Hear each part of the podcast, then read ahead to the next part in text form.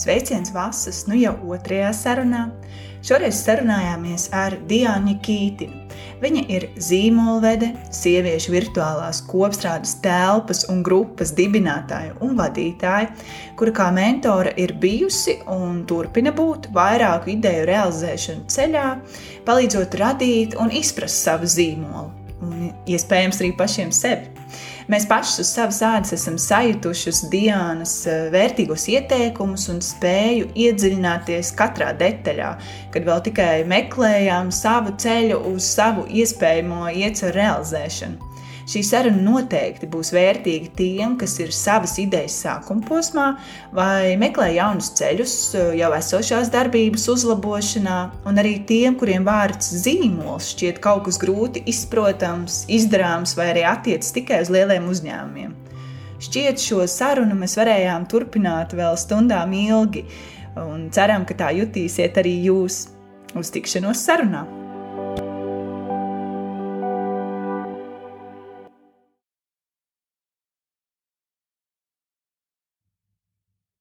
Sveika, Diana!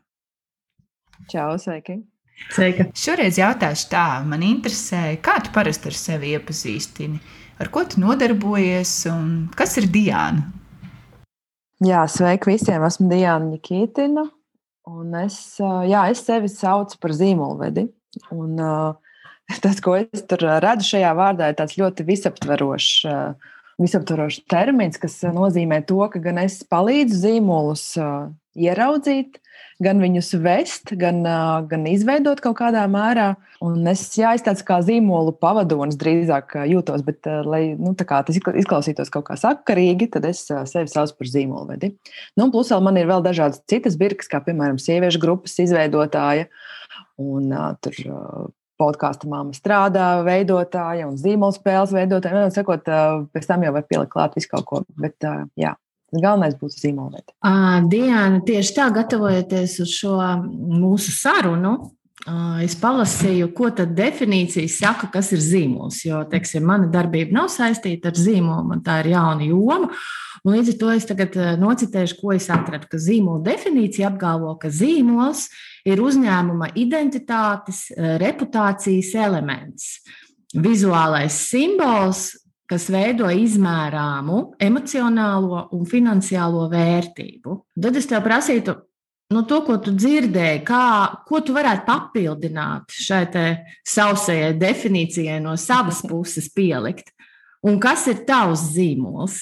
Jā, man laikam vispār ir kaut kādas zobu sāpes ar šīm visām oficiālajām definīcijām, un man ļoti patīk pārradīt un kaut kādās tādās jaunās sajūtās un konceptos ietērpt to, ko es daru. Tāpēc jā, man visi šie klasifikātori un definīcijas īsti neiet pie sirds. Laikam tāpēc, ka tas kaut kādā mērā uzliek kāds varbūt ierobežojums vai kaut kas, kas mums ir jāieliek tādos loģiskos izskaidrojumos un jāspēj pamatot. Bet bieži vien mēs nevaram pamatot, kāpēc mēs tā jūtamies vai tā vēlamies izdarīt. Kā piemēram, man arī nesen bija draudzene saruna. Viņa arī saka, nu es savam priekšniekam saku, klausies, man ir tāda sajūta, ka vajag darīt šādi. Viņš saka, ok, Kā tu man vari to ar cipariem pamatot? Es saku, es jau šobrīd nevaru, bet es jūtu, ka vajag. Izdarām, pamēģinām. Un tikai pēc tam, kā klausot šai iekšējai balsī, tu vari pārliecināties, vai nostrādāji vai nē. Līdz ar to man vienmēr patīk pielikt klāt šim praktiskajam arī to, nu, to emocionālo, ko mēs bieži vien nevaram izskaidrot, varbūt, kāpēc mēs tā gribam, bet mēs tā darām. Līdz ar to arī mana pieeja zīmola veidošanai vienmēr mēs sākam ar to cilvēku pašu. Nu, kas kas galvenokārt viņa, mm -hmm. kas viņa ir, ko viņa vēlās vispār izdarīt. Jo tāpat kā biznesā, principā tā definīcija būtu nopelnīt naudu, bet tas nav vienīgais. Ir kaut kādas vērtības, kaut kas, ko mēs gribam aiz sevis atstāt, kāpēc mēs par šo lietu esam izvēlējušās, kā mēs to pasniegsim, ko mēs pēc tam darīsim ar to naudu, ko mēs nopelnīsim. Ja, piemēram, ir viens ļoti labs tests, ko var paši sev uzdot, piemēram, kam jūs krājat kam jūs krājat naudu, un otrs, kam jūs ziedojat. Un šīs ir ļoti labas lietas, kur jūs varat nočikot uzreiz savas vērtības. Tātad, vai jūs atbalstat, tur, piemēram, dzīvnieku patvērsmi, vai jums rūp bērnu savs ciemati, vai tur motosporta atbalsts, tur, teiksim, censoņiem, sportiem. Un tādā veidā jūs uzreiz saprotat, kas ir tās vērtības, nu jā, un kas jūs ved uz priekšu šajā visā procesā. Līdz ar to mm, es jau aizmirsu, kas bija sākotnējais jautājums. tas bija, tu jau patiesībā papildini to, kas bija, tā, kad ir tā definīcija, un tas jautājums bija, ko tu no ko tu vari papildināt no savas puses. Un to, ko es dzirdu, tu saki, lūk, šo emocionālo, šo emocionālo, ko nevar, tas ir sajūtas, sajūtu līmenī, ko nevar ielikt un uzrakstīt eh, vārdos uz papīra. Tas ir, ko tu saki, ko es dzirdu, tas ir pajautāt, kas tu esi un kur tu ej. Ļoti svarīgi saprast, ko tu aiz sevis atstāsi. -hmm. Jā, un Un es domāju, ka nevajag sev uzlikt tādu slogu, ka nu, manai sevis ir jāatstāj vismaz viena piramīda, tur 13 bērni un vēl tur lauku māja. Un, un tā kā nu, tādas lielas lietas nav vispār vajadzētu arī mieru pasaulē šajā dzīvē. Es vienpersoniski panākšu ja, šo lietu. Tas ir pārāk liels sloks sev. Bieži vien cilvēkiem vajag šeit izdarīt kaut kādas arī, nu, jebkādas lietas, jebkura lieta skaitās. Un, jā, tas nozīmē, jā, ka nav obligāti jā, jānosaka čūska, jāiestāj mm. jāuzceļ māja, bet tev varbūt tavs uzdevums varbūt ir vienkārši radīt cilvēkiem drošu vidi, kurā būtu uzzināt kaut kādas atbalstošas atziņas, un kurā tevi uzklausa. Un tas jau ir ļoti svarīgi, ka tu, piemēram, esi bijis klāt cilvēkam kādā svarīgā brīdī, izšķirošā brīdī. Un tas jau ir mega svarīgi. Un to nevar izmērīt. Mēs nevaram izmērīt kvadrātmetros to, cik ļoti svarīgs bija tavs atbalsts kādā konkrētā brīdī. Man. To mēs varam tikai emocionāli saprast, ar laika nogriezni, kur, tas ir bijis, kāds lomas tas ir nospēlējis. Tā kā, nu jā, man, es, es par zīmoliem arī ļoti līdzīgi skatos, ka viņam, es viņu saucu bieži vien arī par tādu uh, personības pagarinājumu. Īpaši, kad mēs runājam, ka tas zīmols nāk no jūsu, no sievietes vai tā vīrieša personīgi. Tas ir kaut kas caur viņu atnākus, kaut kāda ideja, ko viņš vēlas šajā dzīvē realizēt. Un, protams, ka tur iekšā ļoti daudz no šī cilvēka paša. Un tas sanāk, viņš tā kā pagarinās ārā tajā zīmolā, bet redz, ar zīmoli forši tas, ka tu vari spēlēties. Tev nav obligāti tās pašas mājas čības, ar kurām tu esi savā vidē. Tev nav ar tām pašām čībām jāiet arī ārā, rādīt savs personīgais zīmols. Tur tu vari jau sākt spēlēties ar elementiem, kas tev ir ērti kādas kurpes, mm -hmm. kāda kaklasaita, kāda cepure, ko tu pastāstīsi uz āru. Bet man liekas, ka ļoti svarīgi ir atcerēties, lai tas ir organiski ar tevi saistīts. Jo mēs visi stīvi jūtamies kaut kādās drēbēs, kas, piemēram, mums nav. Nu, nav, mēs nejūtamies labi kaut kādās konkrētās nezinu, kostīmiņā, piemēram, vai kāds nejūtas plandošā kleitā ērti. Un tikai tāpēc, ka tas izskatās smuki vai tā vajadzētu, mm, tas nav labs arguments, lai to darītu. Mm -hmm. Vakar bija tieši arī saruna par publisko uzstāšanos. No, es domāju, ka viena no lielām kļūdām, kas varētu būt, kad iet uz skatuves, vienmēr tad, o, tam vajag jaunu kleitu, jauns kurpes, un tas eju uz skatuvi. Bet īstenībā tu neesi viņu neiemērījis, neievalkājis, ne tu sajūties tajā varbūt kleitā labi. Un tas tev nu, kaut kādā mērā arī grauj to pašpārliecinātību mm -hmm. par sevi. Līdz ar to šo pašu alegoriju izmantojot uh, zīmolā, ļaut, uh, ļaut būt sev ērti savā zīmolā. Tas ir svarīgi. Jā, tu jau minēji, ka zīmols būtībā arī ir par uh, dzīves stilu un vērtībām. Tomēr tie ir tādi mainīgi rakstura lielumi. Un arī tev pašai, uh, tevis izveidotā Facebook grupa, māmu kopstrādes telpa, nesen pārtapusi par sieviešu virtuālās kopstrādes telpu. Un pirmkārt, pastāst lūdzu, kādēļ tev vispār bija svarīgi izveidot šādu platformu? Mm -hmm. Jā, tas arī ir ļoti interesanti par to augšanu kopā saviem, savam zīmolam. Jo, um, labi, sākšu no sākuma. Vienmēr sakot, man sākotnēji šī doma radās par māmu kopstrādi, jo es biju pati mājās ar savu pirmo bērnu. Līdz pirmajam bērnam es vienmēr biju sevi mērījusi tikai tādā profesionālajā liederībā. Nu, man nebija citu atskaites punktu. Vai nu es esmu derīgs darbinieks, vai nē, esmu, vai labs freelanceris. Un tad pēkšņi parādās bērni, kaut kāds jauns elements, un tu vairs nesaproti, kur sevi pozicionēt. Man tā pirmā grūtniecība un pirmais bērns bija diezgan nu, izsit no komforta zonas pamatīgi. Un tad sanāk kaut kā sevi pārdefinēt, un es saprotu, ne, bet man joprojām interesē sevi, sevi pašrealizēt, man nepatīk. Nav interesanti runāt tikai par bērnu stēlēm, ja, un kurā skoliņā iesim un kādu pamperu pirksim. Man gribās sevi izaicināt uz arī citām sarunām. Uh, Un es pie sevis nodomāju, ka noteikti ir arī citas sievietes, kurām ir līdzīga situācija, ka mēs mm -hmm. parunātu par to, kas ir ārpus bērniem. Un tā kā man bija šī pieredze, ka es jau biju izveidojis kopstrādes telpu kopā ar māsu un vēl diviem jāņiem, tāds uh, kvartets. Mēs bijām izveidojuši uh, kopstrādes telpu darba vieta, kas bija fiziska vieta. Mm -hmm. Un, uh, kas jā, izaug no viena dzīvokļa Blaumaņa ielā līdz uh, trīs dzīvokļiem pēc tam tajā pašā mājā. Un tagad jau tā ir pavisam liela telpa pie Kronvalda parka. vai pie viesturdārs. Jā, viesturdārs. Un, sakot, man bija šī, te, šī te sajūta, cik ļoti liela jauda ir tad, kad cilvēki satiekās un viņi nav savā starpā konkurenti. Viņi ir dažādu profesiju pārstāvji, bet viņi iet uz vienotu mērķi. Viņi piepilda sevi kā, kā um, profesionāļi. Mm -hmm. Un tas varētu būt nu, jebkāda forma, tur pašnodarbinātais, freelanceris vai mazais uzņēmums. Bet viņus vienoja kaut kāda izpratne par pasauli, kā viņi var lietas ietekmēt un veidot tā, lai viņi varētu dzīvot tā, kā viņi vēlas. Tas nevienmēr izdodas, bet jo vairāk mērķiecīgāk uz to iet, jo tas labāk sanāk. Nu, jā, un es pēc šī paša principa sapratu, ka es vēlos uztaisīt šādu grupu. Un tas, ziniet, kā notiek. Domā, domāju savu ideju, tur pusgadu marinē, sēdi, tagad mēģini kaut ko izspiest no sevis un nenāk. Un tad tu pārdzīvo par to, un es par sevi stāstu. Ja? Un tad vienkārši vienā brīdī mēs ar mazo tur gultā guļam, viņi tur miega ciet, un tīri rītuši vienkārši galvā iešaujās doma, kopstrās telpā jātais ir vienkārši Facebook grupā online, jo mēs nevaram nevaram satikties fiziski. Nu, man bieži vien bija tā, ka nu, es nevaru savākties, iziet ārā no mājas, bērnam visas mantas savākt, sevi savākt. Un tad, ok, es sapratu, ka kur mēs varam iziet ārā jebkurā brīdī, vai arī vēl vakarā, vai kad, tad, kad bērns guļ, nevis konkrētos laikos, tas ir online. Tāpēc radās šī grupa, un tas, protams, bija saistībā ar tām mamām. Un uh, mani bērni, tagad jau man ir divas meitas, uh, viņas ir paaugušās, mazliet uh, varbūt tas uzsvers vairs nav tik ļoti uz viņu ikdienas aprūpi. Viņas jau mazliet sāk palikt pastāvīgākas, tur bērns parādās auklītes. Un, uh, un es saprotu, ka šī grupa vairs nav tikai par mamām. Tas vairs nav Kāpēc, piemēram, ir radies laiks, es bieži vien taisu laivus vai tikšanās pa darba dienās 11.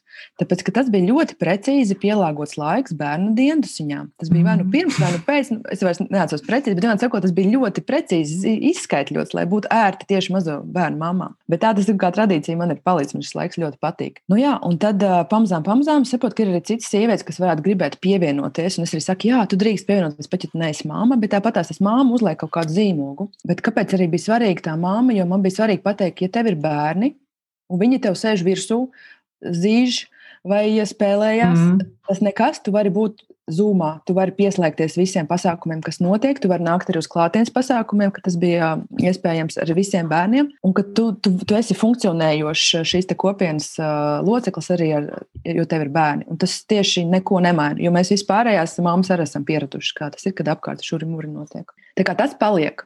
Man, piemēram, ir jā, kaut kāds online sazvani, obligāti vienmēr ļauj, ka tie bērni var būt, viņiem tur ir vieta. Un, uh, nav tā, ka citiem baigi traucē. Īstenībā jau pati tā sieviete bieži vien ir tā, kas visu laiku vairāk to mm. izjūta un jūtās nērti. Un tad man viņai jāsaka, viss čili, forši. Viss kārtībā. Paņem bērnu opiņā, varbūt viņam vajag, nezinu, iedot viņam tur pieniņu vai ko, un viss būs labi. Nu, lūk, garš stāsts, bet viņam ir loģisks turpinājums. Un tad vienā brīdī, jā, es sapratu, ka nē, nu, mēs esam bijuši paaugušies, un tagad ir kārta palikt ārā to sievieti kā tādu. Un, protams, ka viņš aug man līdzi, un iespējams pēc kaut kādiem vēl gadiem, kad man bērni jau būs pavisam paaugušies, un es varbūt vispār sākšu vēl kaut kādas citas lietas darīt, ko es tagad nevaru pat iedomāties, tas atkal kaut kā evolucionēs. Un tāpat kā zīmolā, jebkurā viņš var evolucionēt, piemēram, arī grafiskajā, vizuālajā izskatā. Man kopš šo te, nu, trīs gadi jau tagad ir grupai kopš pašiem sākumiem man ir mainījušās, nu, es domāju, 5, 6 reizes arī tas grafiskais virziens, kurā es esmu gājusi. Un es par to pārāk nemēģinu kā, pārdzīvot, mhm. jo tā kopiena iet līdzi. Tie, kas man pazīst, viņi zina, kas te notiek, un mēs tā kopā augam. Un vēl, vēl viena doma, tad es ļaušu ievilkt savu elpu. Mēs runājām arī par to, ka uh, nesen ar vienu draugu bija tāda saruna, jā, bet ko es tagad palikšu vecāka, un kurš tad tagad pie manis tur nāks? Un saka, bet kā? Mēs augam tev līdzi, mēs pie tevis joprojām arī turpināsim nākt. Man 60 gados nav nekādas vajadzības ar jaunajām meitenēm, tur 20 gadīgajām, piemēram, veidot uh, kaut kādas attiecības caur čīri ņemagu. Ja? Mm -hmm. Bet tev, mēs augam līdzi.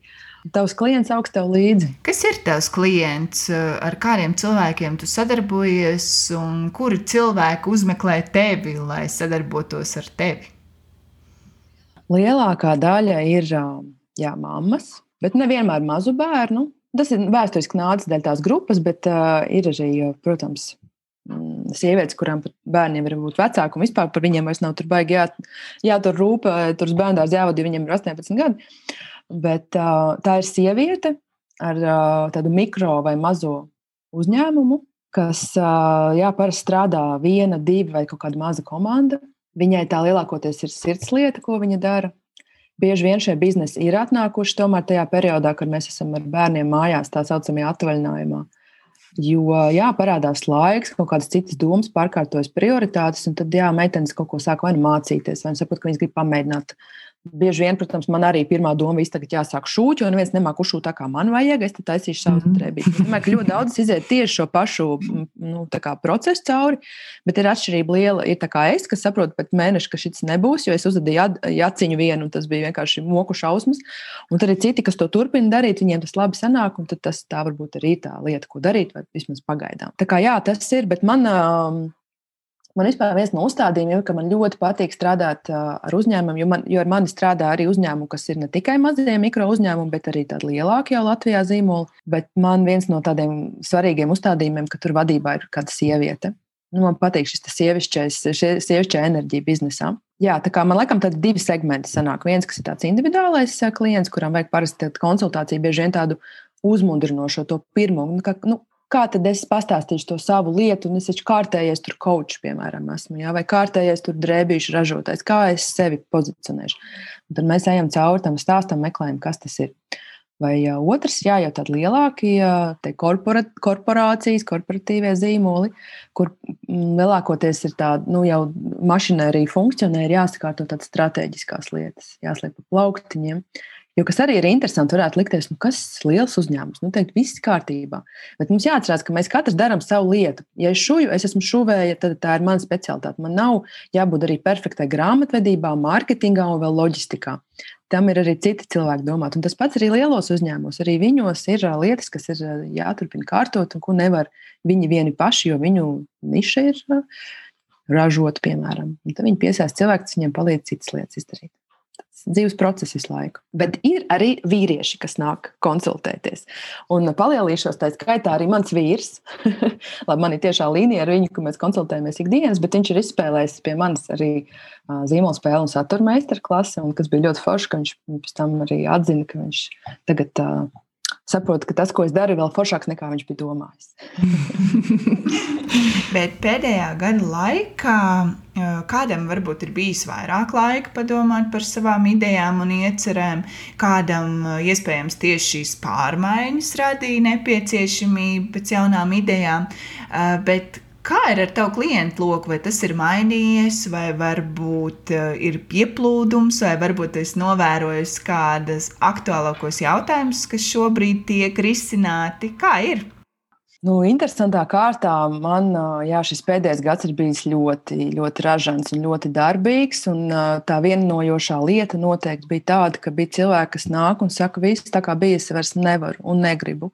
Es gribu pa savam, es gribu savādāk, es gribu laiku vairāk sev. Tas varētu būt tāds vienojošais jā, elements. Un arī tas, ka interesantā kārtā varētu likties, ka tagad jāturās ar visām varēm, ir pie kādiem darbiem, bet īstenībā cilvēki tagad ir gatavi uzņemties kaut kādu risku un pamēģināt. Uh, Un, ka, kā, nu, īsnībā šī visa pandēmija ir vienkārši apbrīnojams moments šobrīd, ko mēs nekad nevarētu radīt tā mhm. vienkārši. Nu, ikdienā mums nebūtu tik liela stimula kaut ko mainīt, pārdomāt ļoti radikāli. Un tad šis ir vienkārši jā, tāds um, Es arī varu gan, tikai papildināt tavu teikto, jo arī vasarā radās uz tā paša pamēģināsim, kā, kā tas būs. Un tieši tā iemesla pēc, kad eh, arī ir kaut kas pārkārtojies laika ziņā, ir šīs tehnoloģijas kaut kādu laika mm, teiksim, limitu atvēlējušas, palielinājusi kaut kāds resurss, kaut kāds skatījums un vienkārši ļauties, nu, pamēģinam, kā tas ir. Jo pie citā kaut kādu gadus, 3, 4, 5 atpakaļ, varbūt absolūti tas nebūtu iedomājams. Bet tagad kaut kas mainās, un nu, liekas, kāpēc nē?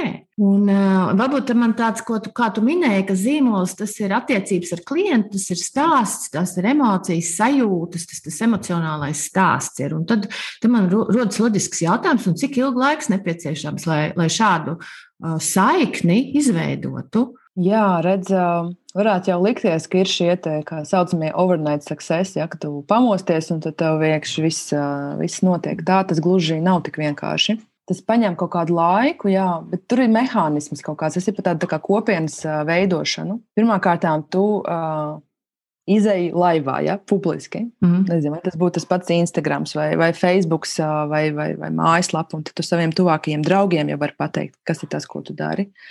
Un, uh, Un redz, ļoti svarīgi ir tas, ka tu, uh, tu to dari. Tas ir tāds autentisks, tavs, Tas ir arī kvalitatīvs, tāds, ko cilvēki grib patērēt kā resursu, vai informatīvo, vai kā produktu, un ka tu vari pierādīt arī to kvalitāti.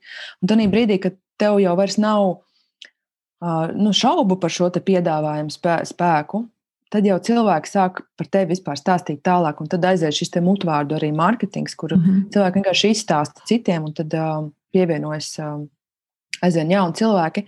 Manā gadījumā tieši tā tas bija. Man sākuma kodols bija varbūt 20 man tuvākie draugi, draudzenes, kas um, pievienojās, noticēja šai sākotnējai manai grupas idejai. Viņi saprata, kas tas, ko es tur dodu, ko viņas var saņemt. Tad viņi sāk aicināt arī savus draugus iekšā. Mm -hmm. Uz pasākumiem arī sākumā nāca tikai visi, kurus es pazīstu, un tad pēkšņi kāda jauna sēja uzrādās. Tad tā, oh, ok, un tad jau puse jau ir tāda cilvēka, ko es nekad neesmu redzējis. Un tagad jau nu, nu sieviešu grupā ir ap 1700 cilvēku. Protams, ka es viņus visus personīgi nepazīstu.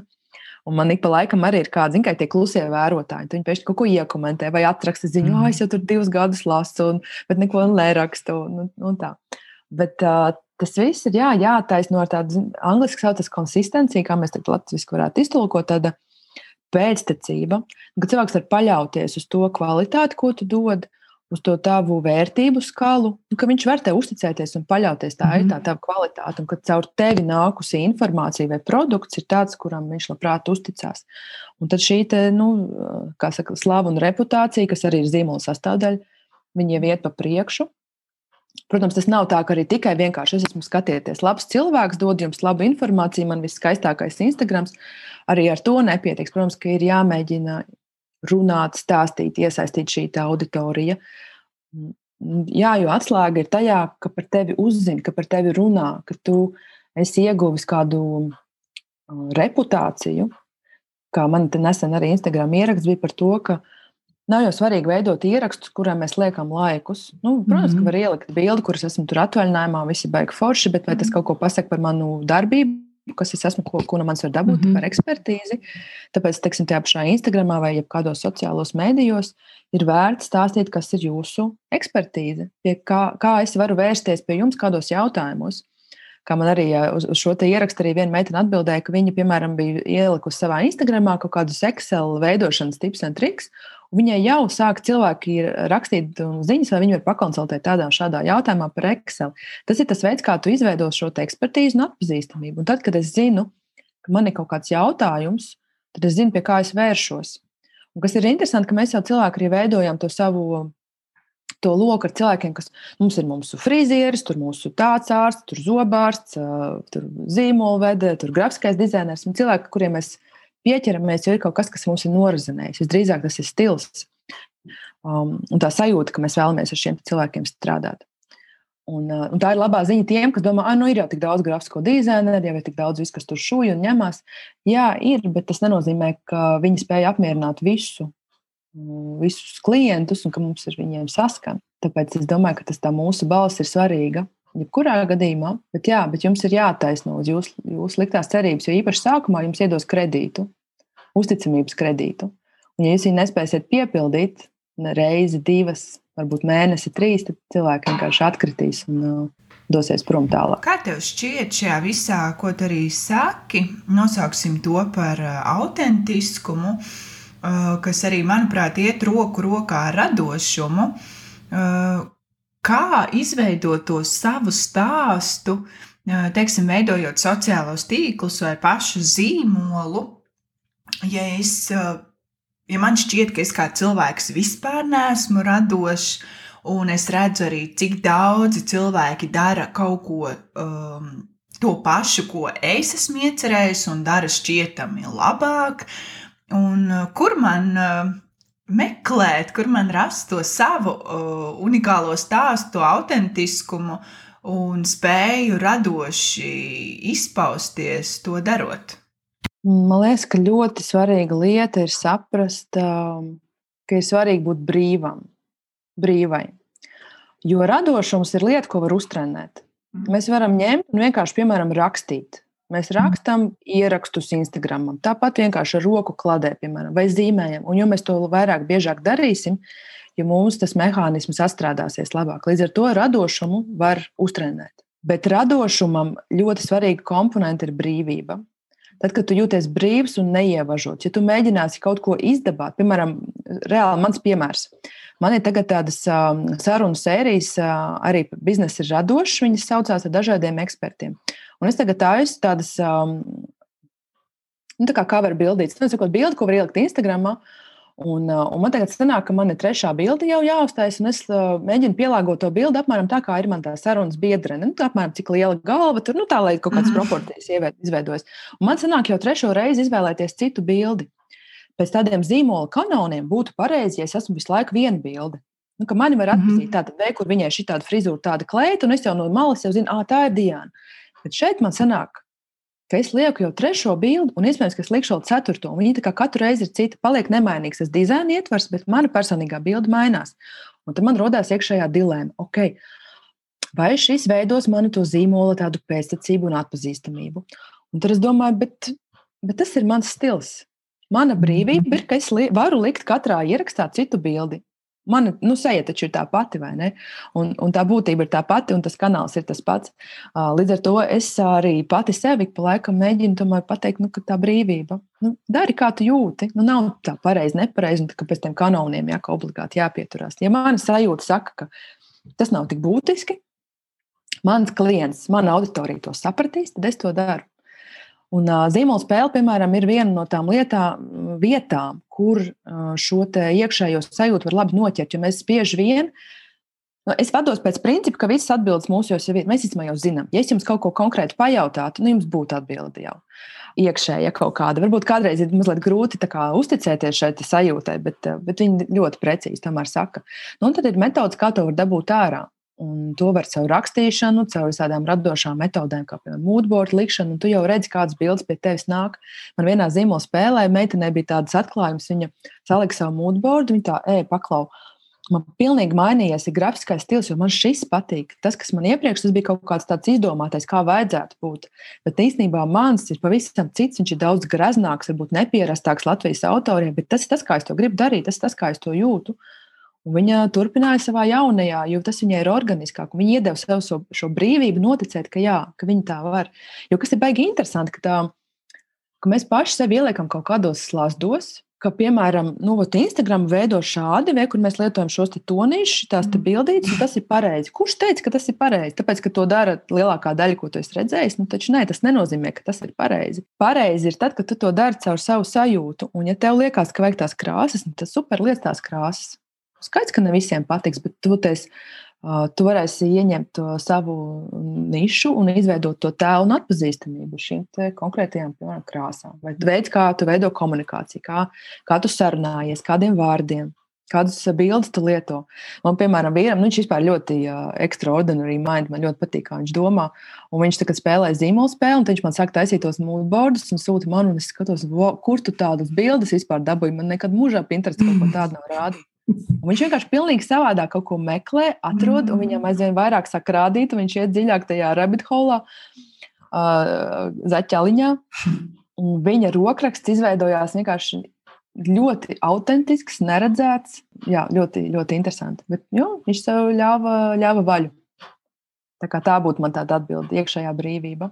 Es mazliet gribu papildināt, ar padalīties pieredzē, tik, tikko ar, ar arī mūsu vasu, kad Otrais ieraksts bija pats, cikot bija par sarunām, un man bija mana, manas, mana bilde, mana fotografija no, no Mustangas kalniem, Nepāla, Himalāja, un tas mans piedzīvojums. Un, un, Un tad mēs skatāmies, kādu likt, un Asnāca saka, nu, tu paskaties savas bildes, un es redzu, nu, man šito vajag. Un tur ir ļoti spilgti zils debesis. Un tas zilais nav tas mūsu tonis. Jā. Bet tad, kad es to skatījos, es, es par to nedomāju, es biju sajūtās, un es gribēju iedot pat cik mans, mans, mans pārdoms par sarunām, un es gribu to savu autentisko bildi, nevis no datu bāzes paņemt. Un, Un es aizsnāju, aizsūtu, un asnāju ielieku, un pēc tam neko neteicu, viss kārtībā ielieku. Un pēc tam man nāk atgriezeniskā saite, man meita, meita saka, tā, meita saistīta ar mākslas pasauli. Viņa saka, māma, bet kāpēc? Tu paskaties, jums tas nav jūsu tonis, un tu esi ielikusi, tev vajadzēja to bildi tur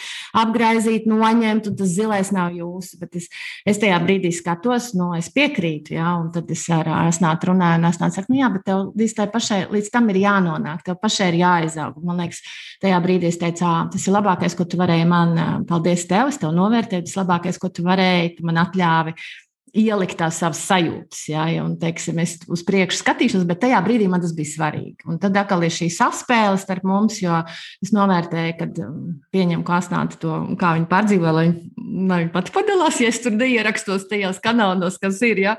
Bet tā kā man tās ir ļoti svarīgas sajūtas, un tā ir, tā ir mana vieta, kur es esmu bijusi un dalos, tad tad tajā brīdī tas, ko tu saki, tas varbūt iziet ārpus tiem rāmjiem, bet uh, tur iekšā ir tā, tas autentiskums vai tas, ko es gribu iedot un ielikt. Jā, teiksim. tad nu, tajā brīdī man šķiet, ka lai vai kā, bet uh, tas viss runā kopā. Varbūt cilvēkam no malas, kas tev zina vai teiksim, skatās, nu labi, tur ne, neatbilst, bet, bet tas ir jūtams. Šķiet, ka tas ir dzīves un teiksim, tas saplūst teksts kopā ar to, to vizuālo. Mhm. Un, man te būtu tāds jautājums, tad, nu, ja te tev paprasītu, kādi ir tie galvenie iemesli, teiksim, kas kavē cilvēku no savas idejas, nu, teiksim, palaišanas pasaulē? Kas būtu tāds top trīs, ko tu varētu teikt? Kas kavē? Uh, dažādiem cilvēkiem ir dažādi tie kavēkļi. Jo vieniem, piemēram, viņi nevar neko iesākt, kamēr viņam nav pilna bilde uzzīmēta. Viņi nezina, kas viņam grāmatvedību veiks, un kur viņam tur vēl failiņš stāvēs, un, un kas tur nu, nezakot, viss tehniskais, jā, kamēr nav sijā, tikmēr neko nevar darīt. Citiem mm, tā ir kaut kāda nepārliecinātība par savu ideju, vai tas vispār ir vajadzīgs, un kāpēc to darīt, ja kāds cits jau to dara. Un, un vēl kādam ir jā, ka viņi nespēja atrast to nu, pienesumu, ko viņi šajā idejā vēl varētu izdarīt, lai tas būtu vajadzīgs. Un kādreiz ir arī tā, kā, nu, ko es, ai, nu, ir taču jau tie cilvēki, kas to dara, un ko es tur vēl arī līdīšu tajā tirgu iekšā. Un te ir atkal tāda interesanta lieta, par ko padomāt, ka dažkārt tiešām, manuprāt, nav visam, kas, kas jums ir ienācis galvā, nav viņam jārealizējas. Es atceros, vienreiz Facebook grupā bija ielikts kaut kāds koka lietiņš, un es skatos, nu, kas tas ir. Ne tā krēsliņš, ne tā būrīts, ne tā plauktiņš. Kas tas ir?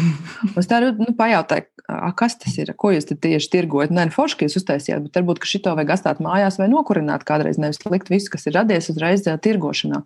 Un atvainojiet, ka es tā skarbi, bet dažkārt tas process jums nav jārāda. Es arī, piemēram, uztaisīju vakar skices, es neliekšu viņu uzreiz eci veiklā jums tirgot.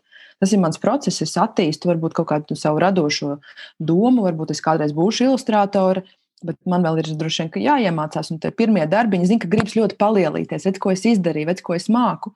Uh, un tāpēc ir ļoti labi būt grupās, kurās tev pasaka, jā, forši malacis. Es piemēram, tagad ar desmit meitenēm kopā mēs ejam tādu 12 nedēļu kursu, kas saucās uh, Mākslinieka ceļš. Mm -hmm. Ir tāda sieviete, Džulija Kamerona, kas ir sarakstījusi.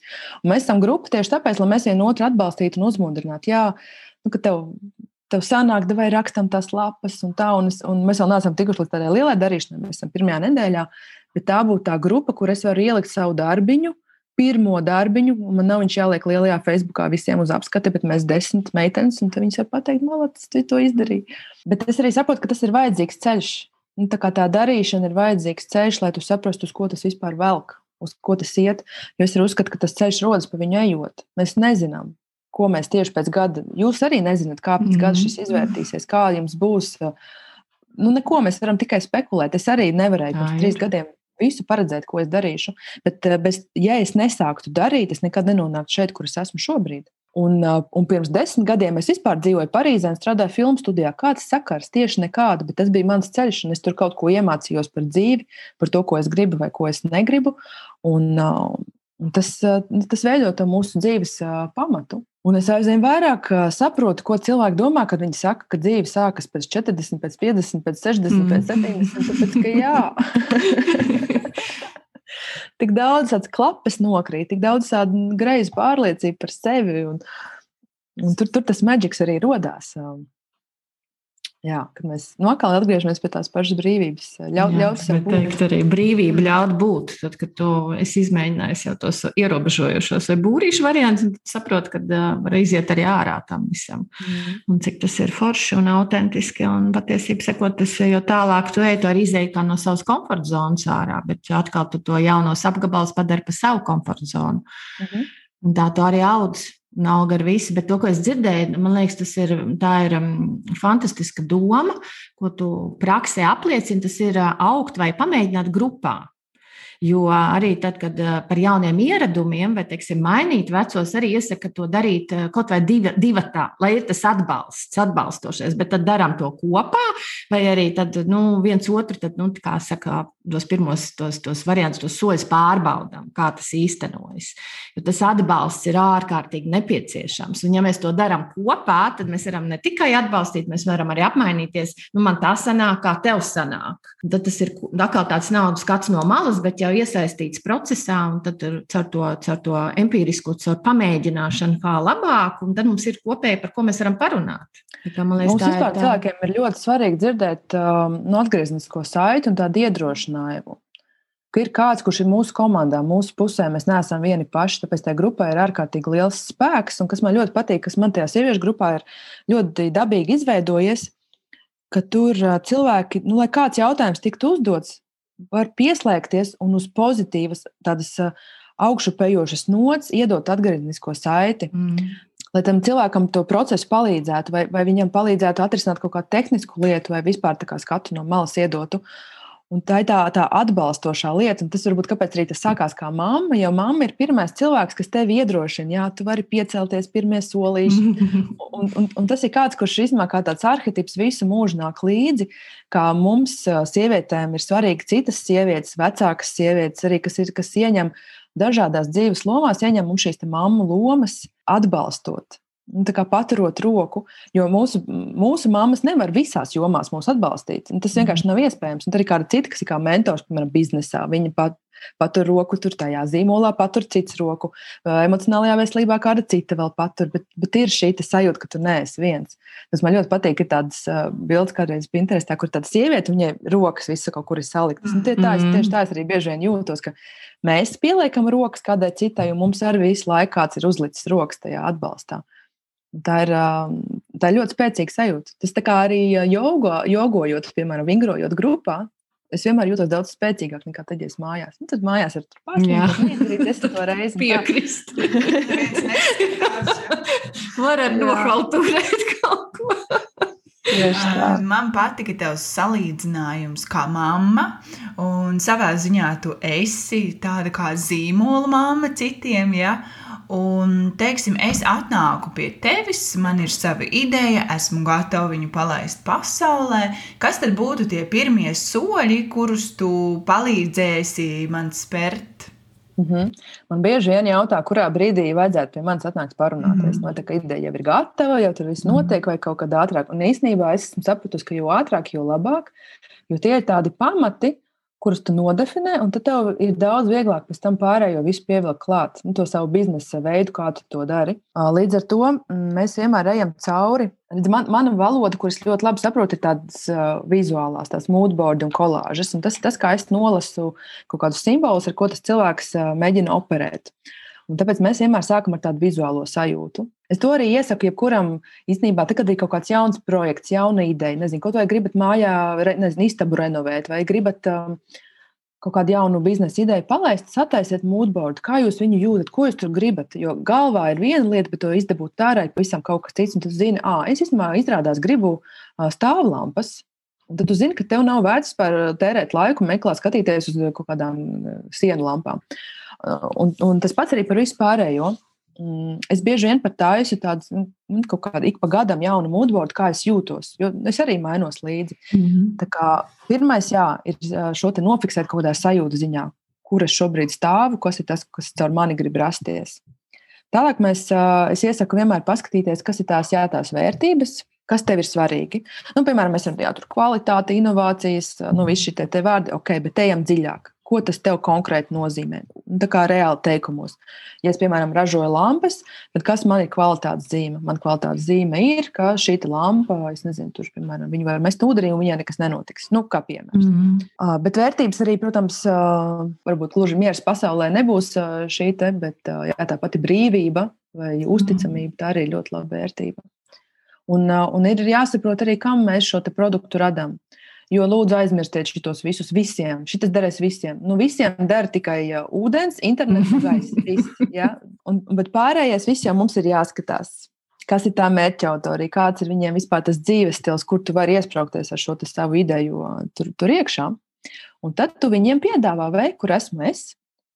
Un es tev, sievietei, kas vēlas uzsākt savu darbu, savu zīmolu izveidot, mm -hmm. es tev varu palīdzēt sakārtot šos pamatus, lai tu esi stabila. Tad, kad tu ej ārā jau tirgu, tevi nevar satricināt, kādu bildi likt. Tāpēc, ka tu zini, tu, tu vienmēr atzinās, kur atgriezties. Tev tas masts būs uzlikts. Un tad, kad šis te tāds kodoliņš ir sataisīts, Tad uh, diezgan svarīgi saprast, kas ir tavs produkts, kas ir ļoti uh, diezgan liekas dīvaini, kā nu es taču tur piemēram, taisīšu pildspalvas, ja, vai tur vēl kaut ko.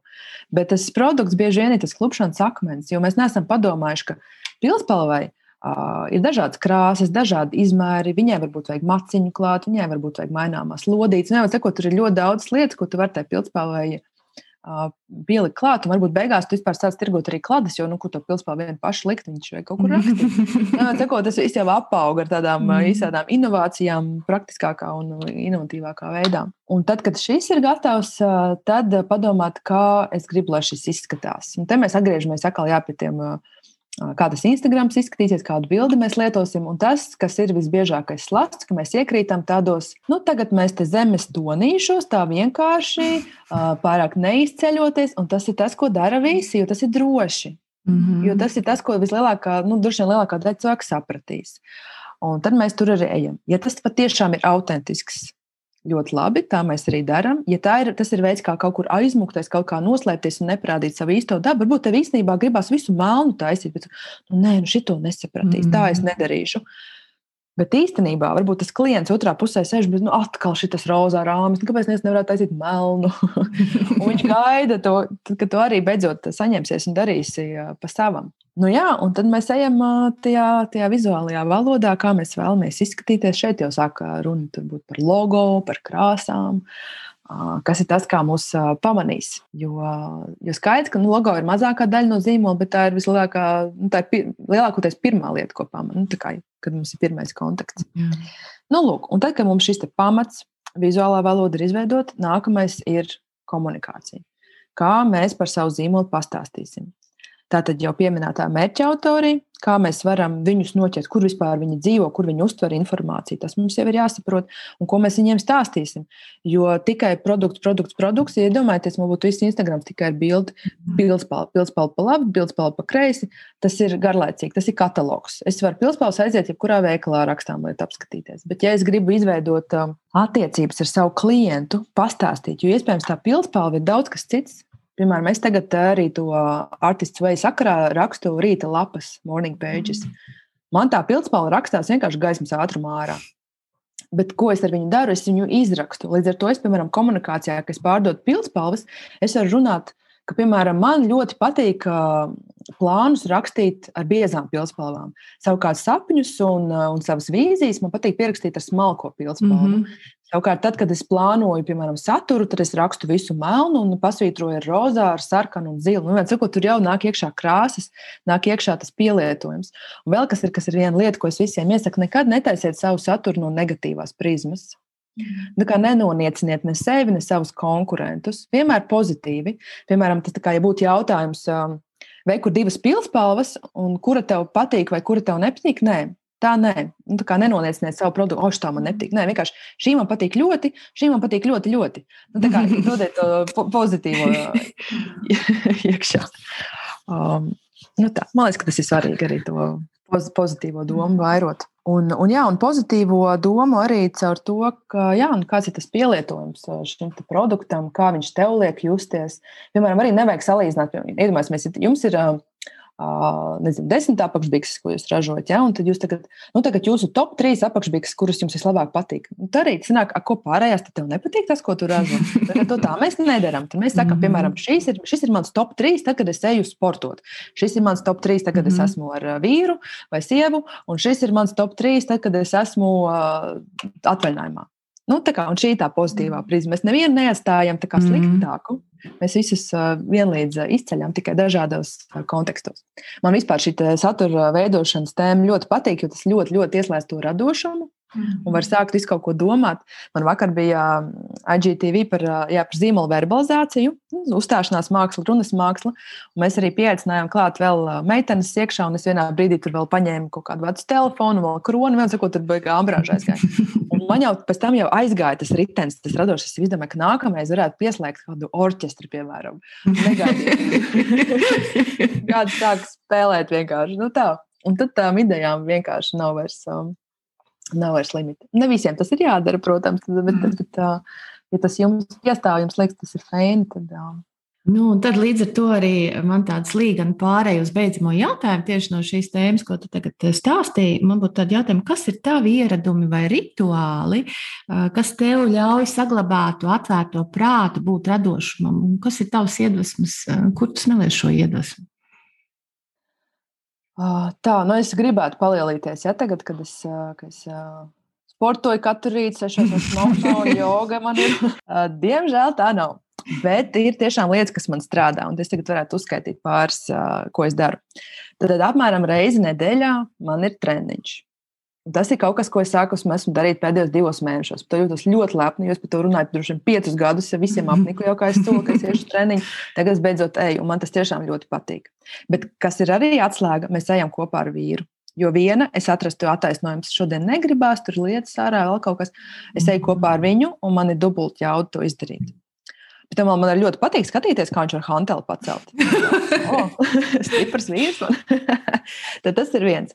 Uh, otrs, um, es patiešām ticu, ka tas, ko es ēdu, arī ietekmē manu um, noskaņojumu. Mm -hmm. Un uh, es, uh, es cenšos ēst uh, ēdienus, kuriem es jūtu, ka viņi man iedod ka viņi man iedod, nevis uh, neiedod. Nu, ka mhm. vienmēr sakot, vienkārši aizbāzt mm vēdru nav interesanti, ka es jūtu, ka viņi man iedod enerģiju. Un tas ir katram pašam jāsaprot. Es tagad nestāstīšu, ko, ko un kā ēst. Tas ir tās divas lietas. Tad otra, es, man ļoti patīk bildes. Es skatos Pinterestu un vizuālo. Tas man ļoti bagātina. Man rodas idejas, man uzreiz kaut kādas inovācijas un idejas rodas tieši, mhm. tieši, tieši caur šo. Un man patīk rakstīt. Es visu, kas man ir, es visu pierakstu. Tas, nu, tas man palīdz izprocesēt cauri, caur, caur mani šo pieredzi un, un, un jā, to, ko es esmu iedomājusies. Un bija vēl viena lieta, ah, tas, ko es gribēju vēl kas man liekas, ka ir svarīgi, es, es cenšos uztvert pozitīvas ziņas. Un, um, varbūt, es dzīvoju savā burbulī, un kā man smējās, man osteopāts viņai kaut ko pasūdzējos, kur tur viņi tur, tur visi parās. Es saku, tas nekas, tas tevi vienkārši sazemē, jo tu dzīvo tur savā burbulītī, tad tu pēkšņi redz, ka cilvēkiem ir arī kaut kāds cits problēmas.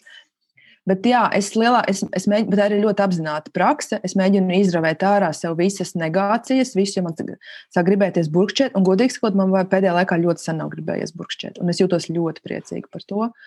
Es uh, neesmu dusmīga, ja man rinda priekšā veikalā ir gara. Es neesmu dusmīga, ja man autobuss ir aizgājis gar degunu.